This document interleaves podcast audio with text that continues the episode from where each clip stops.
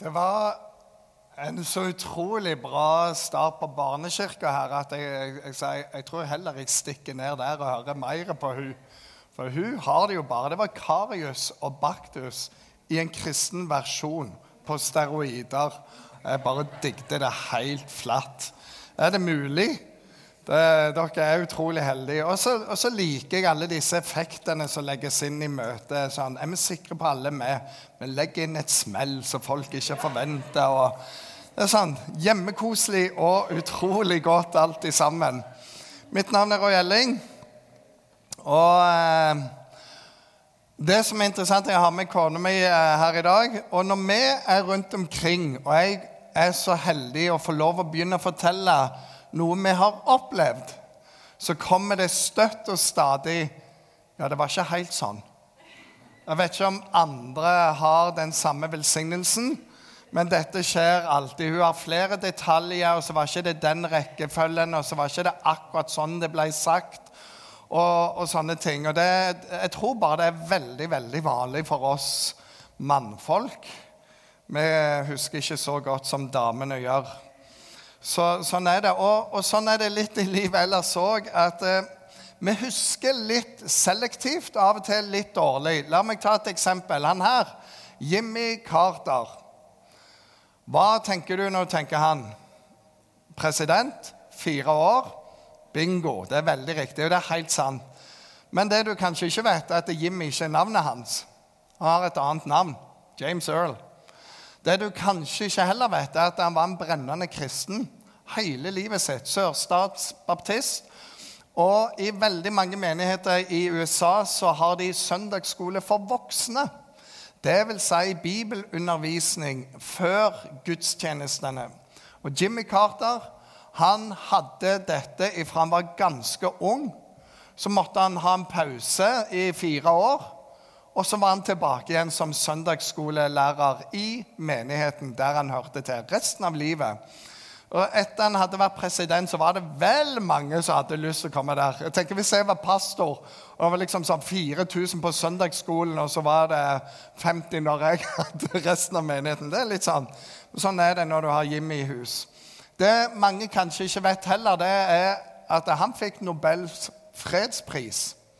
For gjennom livet sitt og gjennom det med å leve med Jesus og leve med en åpen bibel, så ble menneskeverd og menneskerettigheter utrolig viktig for han. Han jobbet mot urettferdighet, forskjellsbehandling. Han sørga for at fattige mange land fikk hus eller habitater å leve i. Og du ser Jimmy Carter i 80-årene er rundt omkring og selvstendige med med hammeren og snekrer seg, sånn at en familie til kan få lov å få en god plass å bo gjennom hele livet sitt. Så det at han var president, ja, det var han. Men det som er egentlig mest imponerende, det er hvem han var som person gjennom hele livet sitt. I Bibelen så er det et søsterpar. Og når jeg sier navnene deres, så vil mange av de som har lest en del i Bibelen, komme på å ja, men det var de som sier ja, det er riktig. Og så er det litt feil. For du husker egentlig bare begynnelsen av livet deres. Men de kom til å forandre seg ganske så mye gjennom livet. Og deres navn er Martha og Maria. Martha hun var jærbu. Nødt til å ha vært jærbu. Det står om henne i ordspråkene 31. Den gode kone, hvem finner henne? Hun er flittig fra morgen til kveld. Huset er dobbelt isolert i forhold til alle andre sine. Hun går på jobb, hun har alle ungene med seg. Hun er aktiv i menigheten, hun koker mat til en hel landsby. Hun vever, hun syr og hun strikker. Hun er god mot alle. Jærbu. Søstera Maria, det er kunstnervesen. Det fins tre hovedtekster om disse eh, søstrene. Hver eneste gang så sitter Maria med Jesus sine føtter, og i to av tekstene får hun utrolig mye kjeft for at hun bare sitter der. Og hun er liksom bare sånn Wow. Og Martha hun strever av gårde. Hun må jo hjelpe meg. Bare, wow. Og i en annen tekst så, så salver hun med olje, og folk blir sånn Hva sløser hun? For hun er bare sånn Wow! Det er liksom det er aldri perfekt timing i forhold til noe. For hun er ikke ytrestyrt, men hun er så utrolig hjertestyrt.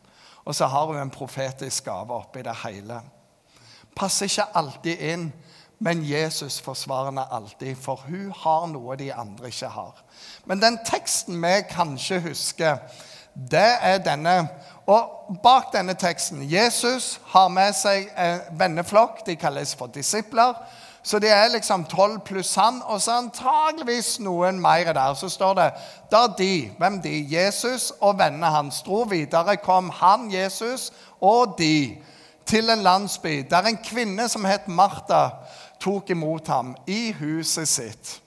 Hun hadde ei søster eh, Jeg skal bare finne henne hos meg sjøl her som het Maria. Og Maria satte seg ned ved Herrens føtter og lyttet til hans ord. Men Martha var travelt opptatt med alt som skulle stelles i stand. Hun kom bort til dem og sa, 'Herre, bryr du deg ikke om min søster?'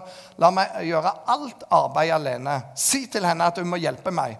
Men Herren svarte henne, 'Martha, Martha, du gjør deg strev og uro med mange ting.' 'Men ett er nødvendig. Maria har valgt en gode del.' og den skal ikke tas fra henne. Dette er en tekst jeg ikke kan eh, undervise i Kristiansand. For de tar alltid den helt feil. Gud vil at vi skal hvile. Vi skal slappe av. Vi skal ta det med ro. Det står jo her. Det er ikke en, eh, det er ikke en tekst om latskap, men det er en tekst om perspektiv. Og Martha Jeg elsker jo sånne Martha-typer. Martha i farta. Vi finner det i alle organisasjoner, vi finner det i kirker. Det er de som står på, lager mat, er med på alle ekstra arrangement, vasker ekstra. Og de bare har denne tjenesten. Og det er deres kjærlighetsspråk. De elsker å tjene Jesus. Det er sånn de uttrykker sin kjærlighet for ham. Uttrykker det for menigheten, og det er deres måte å si 'jeg er glad i deg'. Jeg lager mat her. Jeg har møtt sånne Martha overalt. Ei som imponerte meg, da vi var i USA. Hun hadde en unge på armen, én i hånda. Og likevel så klarte hun å si velkommen til alle som kom. Og hun lagde spagetti den kvelden til 70 stykker av oss. Røre rundt med alt sammen. Det er Martha i farta. Hun var like blid. Og når kvelden var over, og hun og mannen står der, og vi sier ha det hun er gjennomsvett og smiler like godt. Det er bare sånn ah, 'Det ble en god kveld, dere.' Det er Martha i farta. Men så er det det at det fins tre tekster, og dette er den første. Det er sånn vi møter dem. Ei Martha som er litt sutrete. Ikke helt fornøyd. Og ei Maria som bare er der. Så er det, det skjer noe med dem, og vi skal hoppe fram til den siste teksten. Og her er det å si at eh, den siste teksten den står både i Matteusevangeliet og Markusevangeliet, mens vi kommer til å lese Johannes. Fra de andre tekstene så lærer vi at vi er i samme by. Dette er litt seinere. Eh, og Martha og Maria er der, men de er i et annet hus. Det står sånn Seks dager før påske kom Jesus til Betania, det var denne byen, der Lasarus bodde. Han som Jesus hadde vekket opp fra de døde. Der holdt han et festmåltid for han. Så kommer det. Martha, hun varte opp. Og det var enda mer gjester der. For det var de tolv og Jesus, og så var Lasarus, som var broren, og så var det kommet en haug med folk der. Og de var i huset til en som heter Simon den spedalske. Det står òg i en av de andre tekstene der. Så det var sinnssykt mye folk der. Og Martha varta opp, og Lasarus var blant de som lå til bords med Jesus. Da kom Maria med ett pund ekte, kostbar nardusalve. Og med den så salva hun Jesu føtter og tørka de med håret sitt. Og hele huset ble fullt av duften. Og hva skjer etterpå? Jo, de andre tekstene sier Martha fikk, nei, Maria fikk kjeft igjen, som hun alltid gjør. Dette kunne jo vært solgt og gitt til de fattige, sa noen. Men Jesus sier nå skal ikke dere klage på hun, for Jesus forsvarte alltid Maria. Han så hjertet hennes. og sa hun har gjort en profetisk handling. Hun har salva meg til korsfestelsen. Og det skal forkynnes, det hun gjorde, til minne om henne. Hennes grenseløse kjærlighet til Jesus forkynnes nå, 2000 år etterpå. Men det er en stor forskjell i disse tekstene. Hva er det? Martha klager ikke lenger. Hun tjener Jesus, for det er kjærlighetsspråket hennes. Så hva har skjedd med henne? For noe er skjedd i hjertet, og noe er skjedd i perspektivet. Hva er det med de som står på og står på? Gjør alltid det ekstra, men uten å klage. Ofte med et smil. Og når andre klager, så smiler de bare og sier men det går bra. Og når andre tenker på de stakkar deg, så sier det går bra. For Martha er sånn nå. Jo, det skjedde noe med hun. Hun fikk et livsforvandlende møte med Jesus, både hun og søsteren Marie. Det er en grunn til at Maria uttrykker sin kjærlighet. Og det er det vi kaller livsforvandlende møte med Jesus. Og de møter Jesus, eller han møter de i det vi kaller den bunnløse sorgen. For i teksten her så leser vi om en Lasarus. Det var broren deres. Han døde. Det står en lang tekst i Johannes kapittel 11. og Vi skal ikke lese hele den, for det tar altfor lang tid. Men vi skal ha noen utdrag. Men bakgrunnen er at Lasarus blir syk. Vi aner ikke hvilken sykdom det er, men det er en sykdom de ser Oi, han har ikke lenge igjen å leve. Så de sender bud til Jesus, som er en helt annen plass. Og så sier de, 'Jesus, du er nødt til å komme, for Lasarus, din kompis, han ligger for døden. Du må komme.' Og vi går inn i teksten eh, der. Og da står Da Jesus fikk høre det, sa han, 'Denne sykdommen fører ikke til døden, men er til Guds ære.' La meg bare stanse der. Den sykdommen førte til døden. Så hva er det med han? For det han sier her, er feil. Den fører ikke til døden. Jo, han dør, og han kommer til å være død i fire dager. Men han skal være til Guds ære, for ved den skal Guds sønn bli herliggjort. Og det er sånn at Jesus viser ja, han kommer til å dø, men det er ikke slutten på denne historien. Har du møtt sånne folk? Vi hadde en i Bryne misjonskirke i mange år. Oskar heter han. Han satt, vi hadde sånn to rader. Han satt alltid i midten, langt framme. Satt aldri inntil med ryggen. Han satt litt sånn foroverlent. Og han var med på møtene. Han var alltid sånn Amen og takk og lov. Ja, pris til Gud. Og hele tida i møtene sånn. Men det som var et problem, det var at Oskar gjerne var litt foran alle de andre. Så når vi hadde vitnesbyrd for folk som hadde hatt et litt veldig trøblete liv, så visste Oskar hvordan dette kom til å gå til slutt. Så flere ganger så var det folk framme her, og så sier de Ja, du vet, livet mitt det var jo greit, men så skjedde det, og så skjedde det, og så begynte jeg å gamble, og så var jeg plutselig der, og så var jeg nede i rennestein. Da visste Oskar at han her kom til å møte Jesus og bli frelst, og alt ble bra. Og jeg lå der, og alt var bare helt ødelagt. Så hører du 'Halleluja! Takk og lov!' Og så, jeg bare Vent litt, Oskar. Og det er litt sånn jeg tenker med Jesus her òg. Denne sykdommen fører ikke til døden. Jo, det gjør han. Nei, nei, nei, nei. Spol fram! Liksom, Kom igjen, gutter. Ok, Så Jesus er litt foran de andre. Jesus var glad i Martha og hennes søster og Lasarus. Og la meg spørre deg, hvis du er glad i noen, og du hører de ligger for døden, hva gjør du da? Hvis du er ordentlig, ordentlig glad. For dette var familien Jesus bodde hos når de reiste gjennom. Så vi tar inn til Lasarus og Martha Maria. For de slipper oss alltid inn. De har alltid god mat. De er våre beste venner. Så nå ligger han for døden. Hva gjør du? Du skyndte deg! Du har én ting å gjøre. Slipp alt i hendene. Kom deg på sykehuset. Kom deg der de er. Hva gjør Jesus, som er syk, glad i dem? Da han hadde fått høre at Lasarus var syk, ble han der ennå to dager. For en kompis! Ja, han, han, har jo tatt all feil her. Og så sier han etter de to dagene La oss eh, dra tilbake til Judea. De, eh, disiplene eller vennene hans de er ikke helt glad for dette. Rabbi, sier de. Det er Jesus de tenkte var en god lærer. Jødene prøvde nettopp å steine deg, og nå drar du dit igjen. Jesus svarte, har ikke dagen tolv timer? Jødene de har en sånn der tolv timer til dagtid, og så, boop, så er sola av, og så er det tolv nattetimer. Altså tolv timer dag, tolv timer natt. Har ikke dagen tolv timer? Den som vandrer om dagen, snubler ikke, for han ser denne verdens lys. Men den som vandrer om natten, snubler, for han har ikke lyset i seg. De skjønte ingenting av det han sa der. Når han hadde sagt dette, så sa han til dem, 'Vår venn Lasarus er sovna, men jeg vil gå og vekke han.' Og de skjønner ingenting. For de sier, 'Herre, hvis han er sovna, blir han nok frisk.' Jesus hadde talt om hans død, men de trodde han talte om vanlig søvn. Da sa Jesus rett ut, 'Lasarus er død.' Så, ah, ah, mm. Og så sier han enda mer. Og for deres skyld er jeg glad for at jeg ikke var der, sånn at dere kan tro.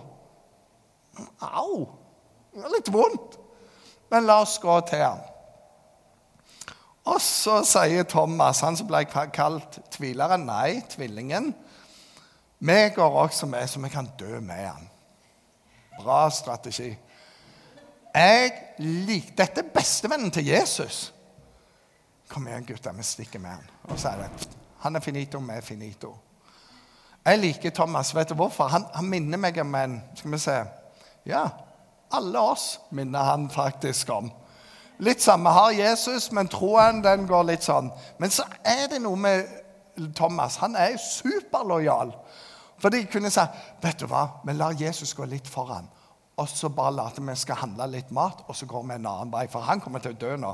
Vi dør med han. Og han er superærlig. Han sier bare sånn som det. Og I kapittel 14 så begynner han å stille spørsmål når Jesus sier jeg går foran dere, jeg skal lage bare wow til dere. Og dere vet veien. Så jeg aner ingenting, Jesus. Det er Thomas igjen. Jeg bare digger han!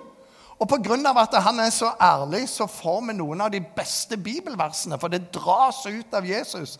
Så Thomas, jeg er veien, jeg er sannheten, jeg er livet. Hvis du har meg, så har du det du trenger. Ah, har du ikke det med en gang?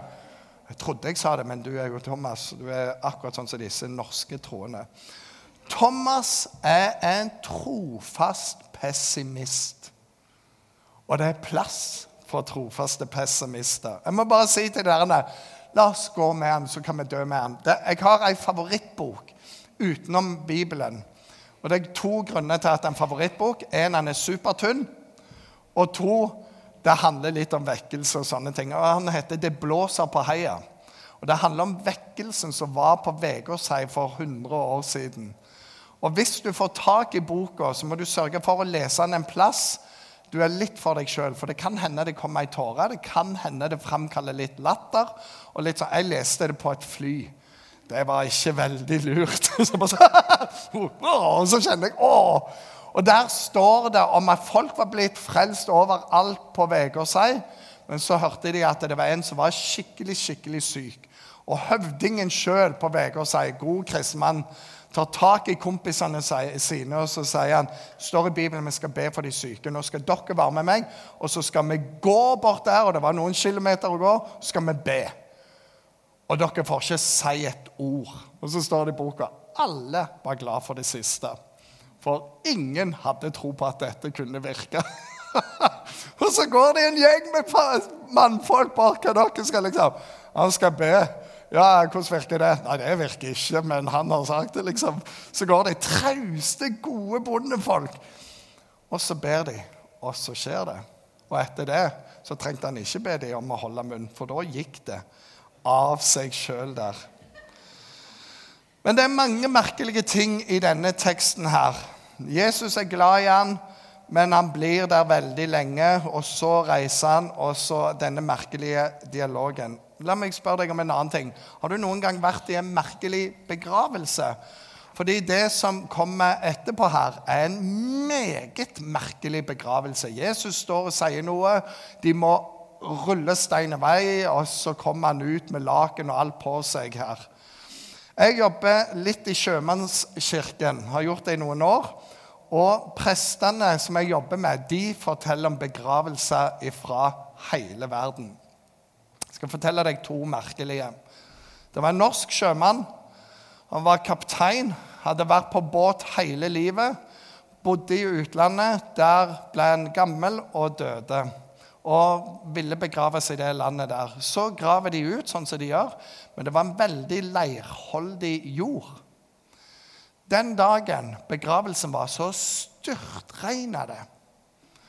Og familien var samla der. Og idet de skal senke kista, så er graven full av vann.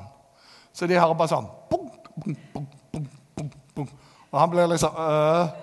Og så ser han på den sorgtunge enka som står sånn og ler. Så tårene triller. Og så sier hun dette er jo akkurat i Arthur sin ånd! Tenk at han skulle få gå sånn, akkurat som på havet! Og så brøt latteren ut. Og så fikk de litt tid til å få ut det vannet og få det ned. En annen lignende omstendighet, bare den var i Japan. Japan er veldig korrekt. Der var det òg veldig regnfullt. Der var jorda litt løs. Og alle står veldig korrekt på sida, sånn som de gjør i Japan, og ikke foretrekker en mine.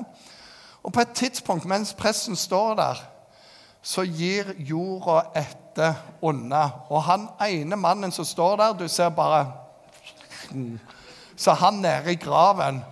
Og presten får det liksom med seg i øyet, og så ser han rundt eh, hva gjør vi nå her i Japan. Han får bare et nikk. Du bare fortsetter, du. Det er ingenting som har skjedd her. Han står og messer videre og bare sier OK. Og så lurer jeg på hva skjer der borte. Så ser han først ei hånd. og så ser han ei annen. Og så ser han en fot. Og så kravler han seg opp full av gjørme. Er det noen som hjelper han? Nei, nei, nei. Og hva skjer med han mannen som nå er gjennom gjørma? For gratis barn, han stiller seg opp.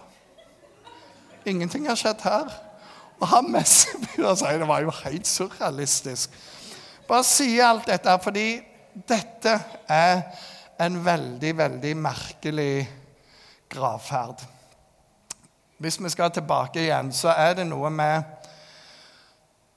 Han er dødssyk. Han dør. Og i møte med sorg så går vi gjerne gjennom forskjellige stadier eller faser.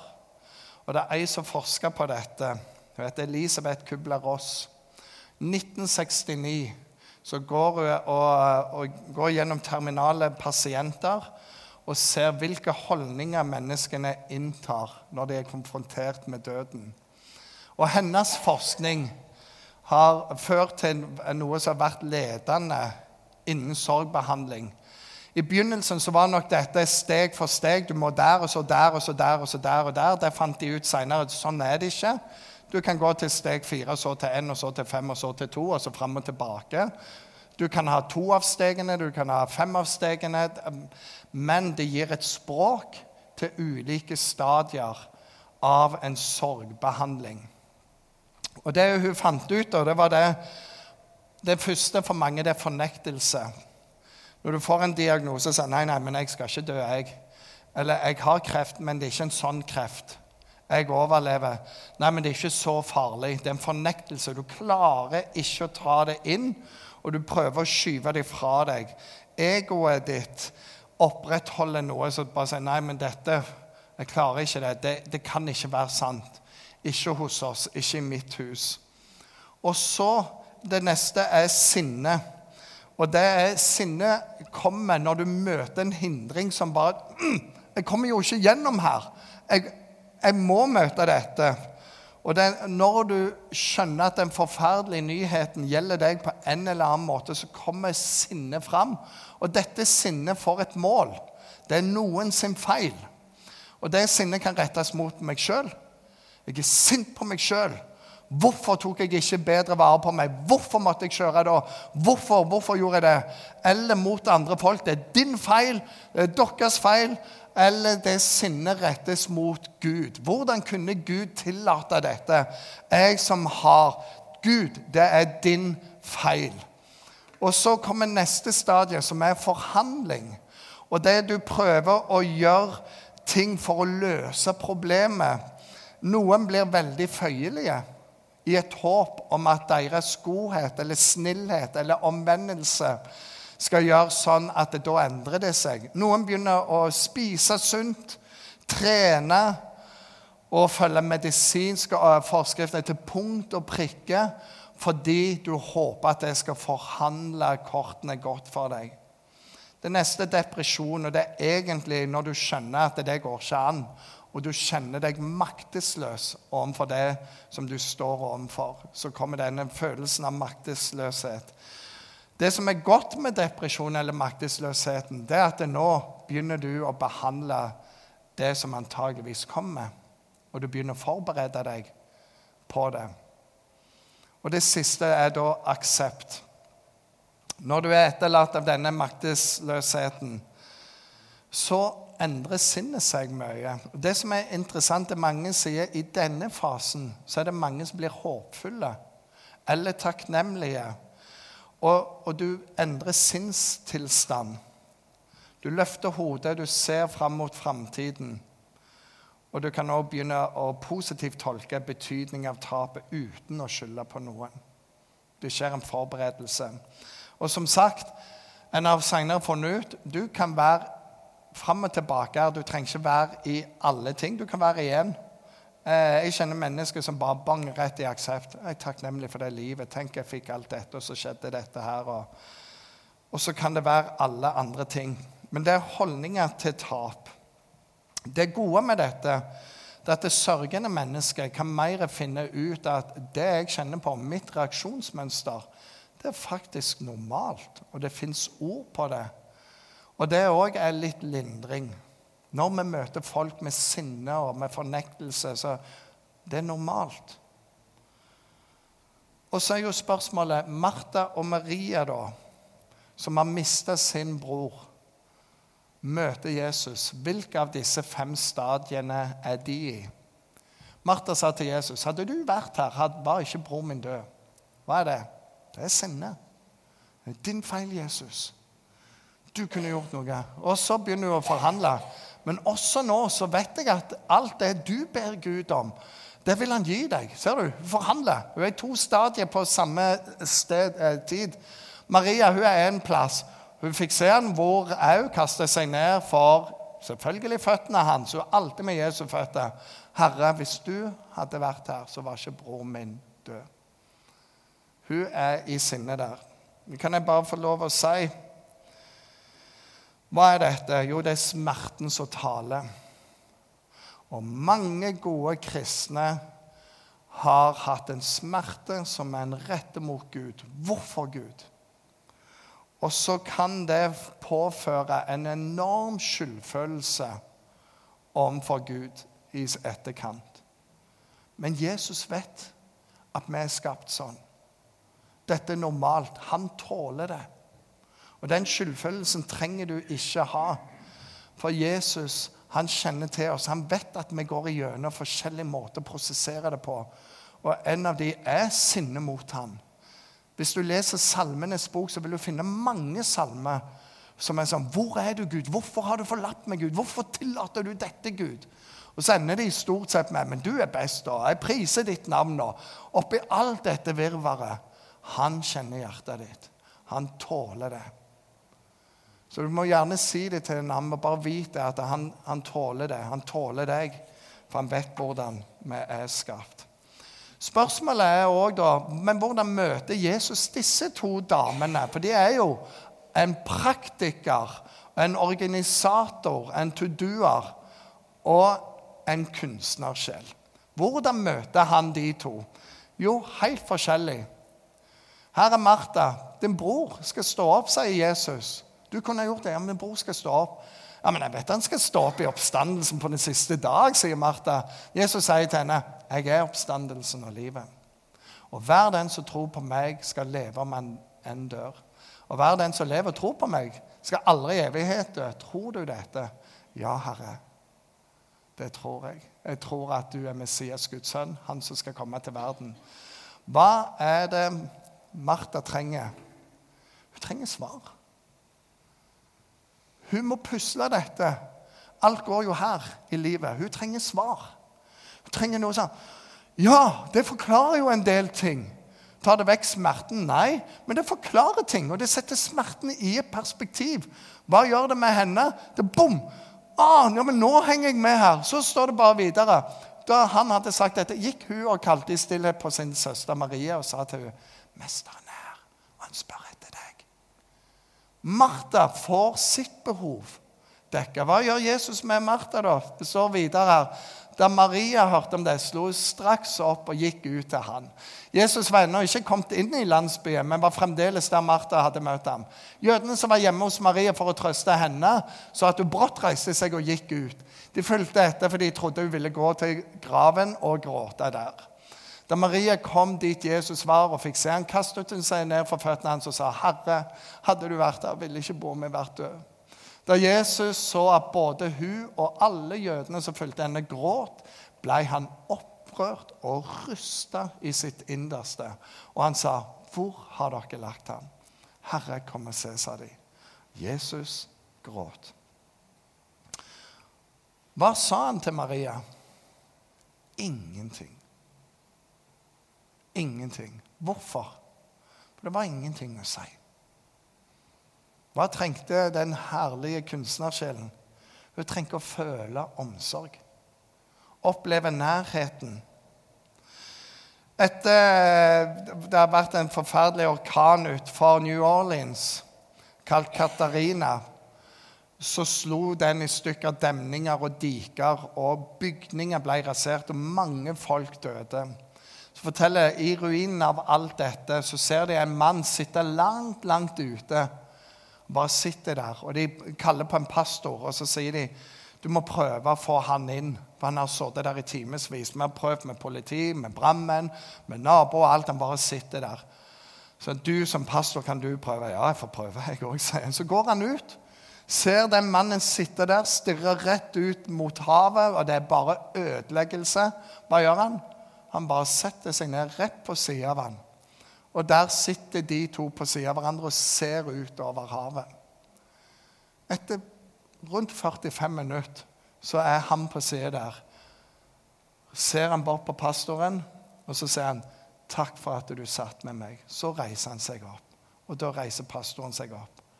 Og så går de inn. Hvor mye hadde pastoren sagt? Eh, ingenting.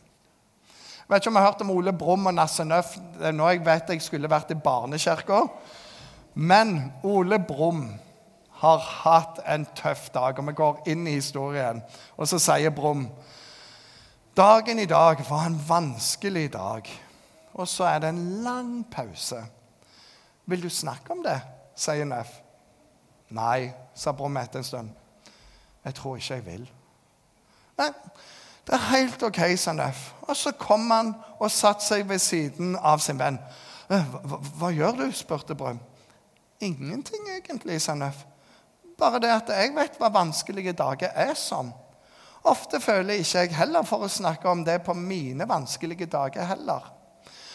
Men du godeste, fortsatte Nøft, Vanskelige dager er alltid mye enklere når du vet at noen er der for deg. Og jeg vil alltid være her for deg, Brum. Og mens Brum satt der, jobba gjennom sin vanskelige dag i hodet sitt, og mens den solide Nøff, som var til å stole på, satt stille ved hans side og svingte de små beina fram og tilbake, så tenkte Brum at hans beste venn aldri hadde hatt mer rett. Det er nydelig. Av og til trenger du bare noen til å sitte der. Men hvorfor gråt Jesus, da? For det er det korteste verset i mange lands bibler. Spurgeon, som var en kjent predikant, han sa at det verset der kan du ikke lese. Du må føle det. Han hadde to lange taler om hvorfor Jesus gråt. Jeg kan si én ting Jesus ikke gråt for. Det var at Lasarus var død. For han visste han kom til å vekke han opp. Så, så, det var ikke det. Men det kan være to ting. Og Det ene er at vi må huske at Jesus var 100% Gud og 100 menneske. Kanskje gråt han for han visste hva det gikk igjennom. Han kunne ha sørga for at Lasarus ikke var død i det hele tatt. Men han lot det skje. Og da vet han om smerten med sykesengen, smerten når det skjer, smerten i begravelsen og smerten etterpå. Og da blir du medlidende. Det kan være det. Jeg vet ikke om du har vært med sykeseng hos noen, men av og til når vi er der, og vi skal styrke den, så ender det ofte med at alle vi som er rundt, er de som gråter. Og den som ligger i sengen, er den som ber for oss. Hva er det? Det er noe vakkert med å bli medlidende. Kanskje var det noe av dette med Jesus òg her. Men hvorfor venter han da fire dager på å vekke han opp ifra de døde? Fire dager. Jesus hadde allerede vekket to opp ifra de døde. Det var enkens sønn i byen Nain, og så var det Jairus' datter. Og De hadde han vekket opp med en gang. De døde. Bom, så var de i live igjen. Og hvis du ønsker å la være å tro, så kan du si ja, men de var skinndøde. For det fins eksempel på folk som har vært på likehus og alt, og det er klart å høre, så plutselig puster de igjen. Så Det var det som skjedde med de to. Så du kan bortforklare deres død, oppstandelse hvis du vil. Men hvorfor fire dager, da? Jo, det kan òg ha noe med overtro å gjøre, som Jesus òg eh, motbeviste.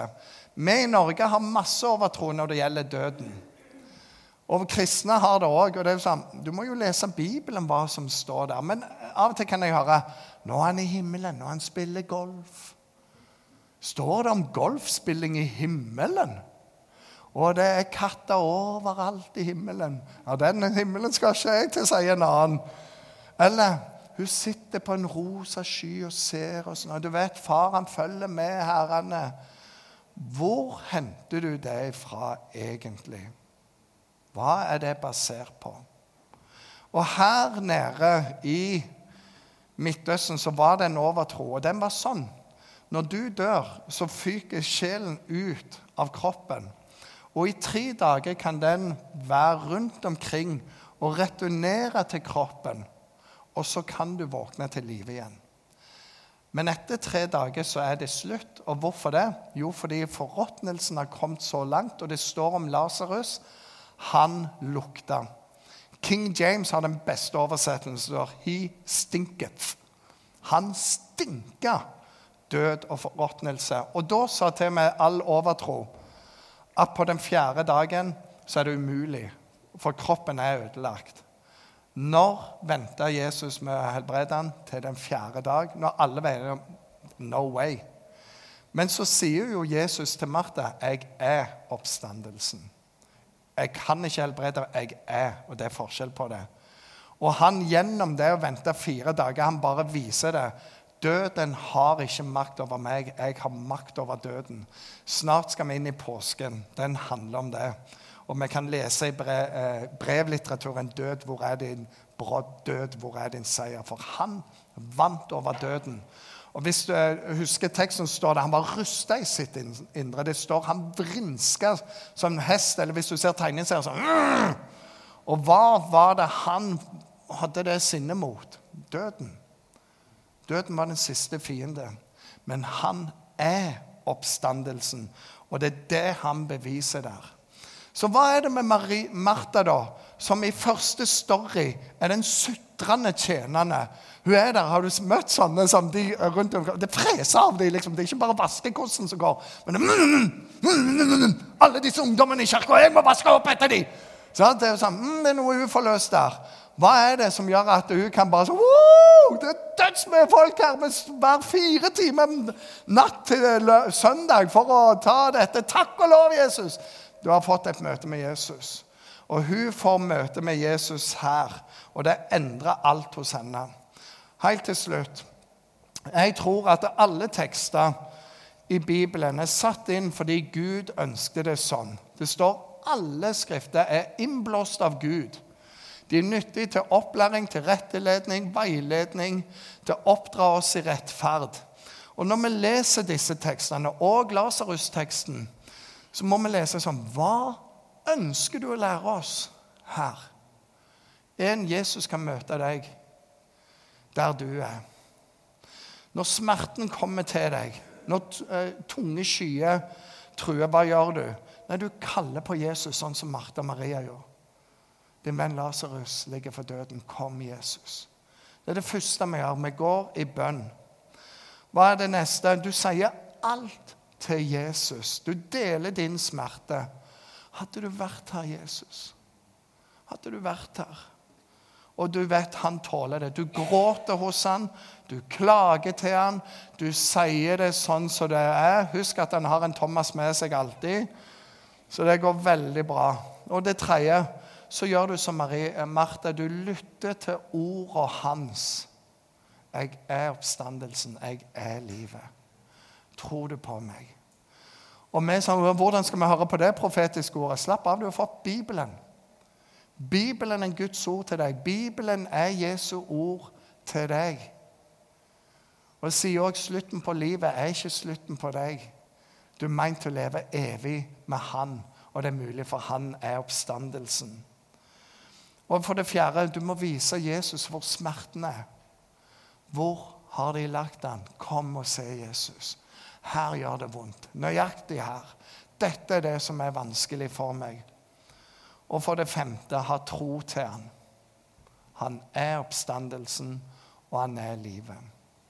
Skal vi be? Herre Jesus, jeg takker deg for denne teksten. Takker deg for hvordan du møter Martha og Maria, hvordan det forvandler de, og det forvandler Lasarus. Han er død, og han lever flere år etterpå dette. Herre, jeg takker deg for du ser alle oss. Og mange som har møtt smerte, og mange som vet hva smerte er akkurat nå, bærer smerte med. Jeg takker deg for at midt i den bunnløse sorgen så er du og du kommer og besøker oss når vi kaller på deg, så er det av og til sånn at vi føler det ikke bare tar to dager før du kommer, eller fire dager, men tar en evighet. Men du er der, og du vet hva du gjør. Herre, jeg takker deg for at det er slutten på livet vårt er ikke slutten på oss. Du vil at vi skal leve evig sammen med deg i himmelen. Og du driver og forbereder den plassen for oss. Men hjelp oss, Herre, å komme med all vår smerte til deg. Og hjelp oss å lytte til dine ord i Bibelen. Vær i fellesskapet der du er i sentrum. Og la deg få lov å møte oss. Herre, jeg takker deg for ofte så møter du oss i stillhet.